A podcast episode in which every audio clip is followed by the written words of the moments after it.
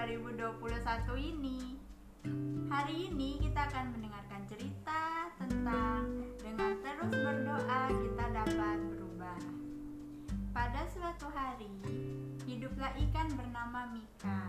Mika ini sangat sombong sehingga bintang laut pun tidak mau berteman lagi dengan Mika. Mika sombong karena dia sangat kaya. Lina temannya hanya sedih melihat Mika seperti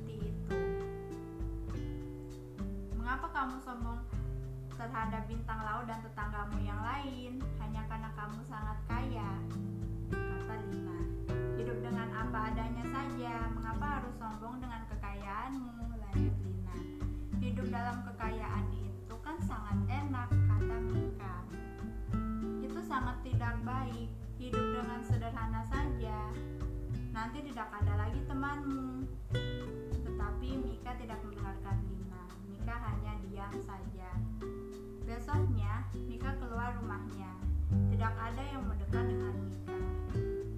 Mereka tahu kalau Mika itu sangat sombong.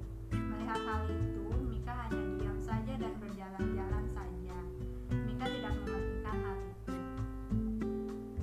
Siang itu, orang tua Mika datang ke rumah Mika. Mereka sudah tahu kalau anaknya sombong karena kekayaan. Berubahlah, hidup seperti ini hanya membuat kamu sengsara, kata orang tuanya. Mika lalu berpikir, tidak berpikir untuk berubah, tetapi Mika bingung mengapa Lina temannya tidak menjumpainya.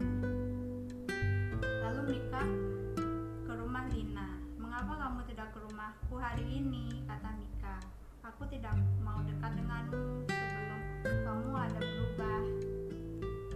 Bosan melihat kamu yang sombong, kata Lina. Lalu dengan kecewa Mika pulang.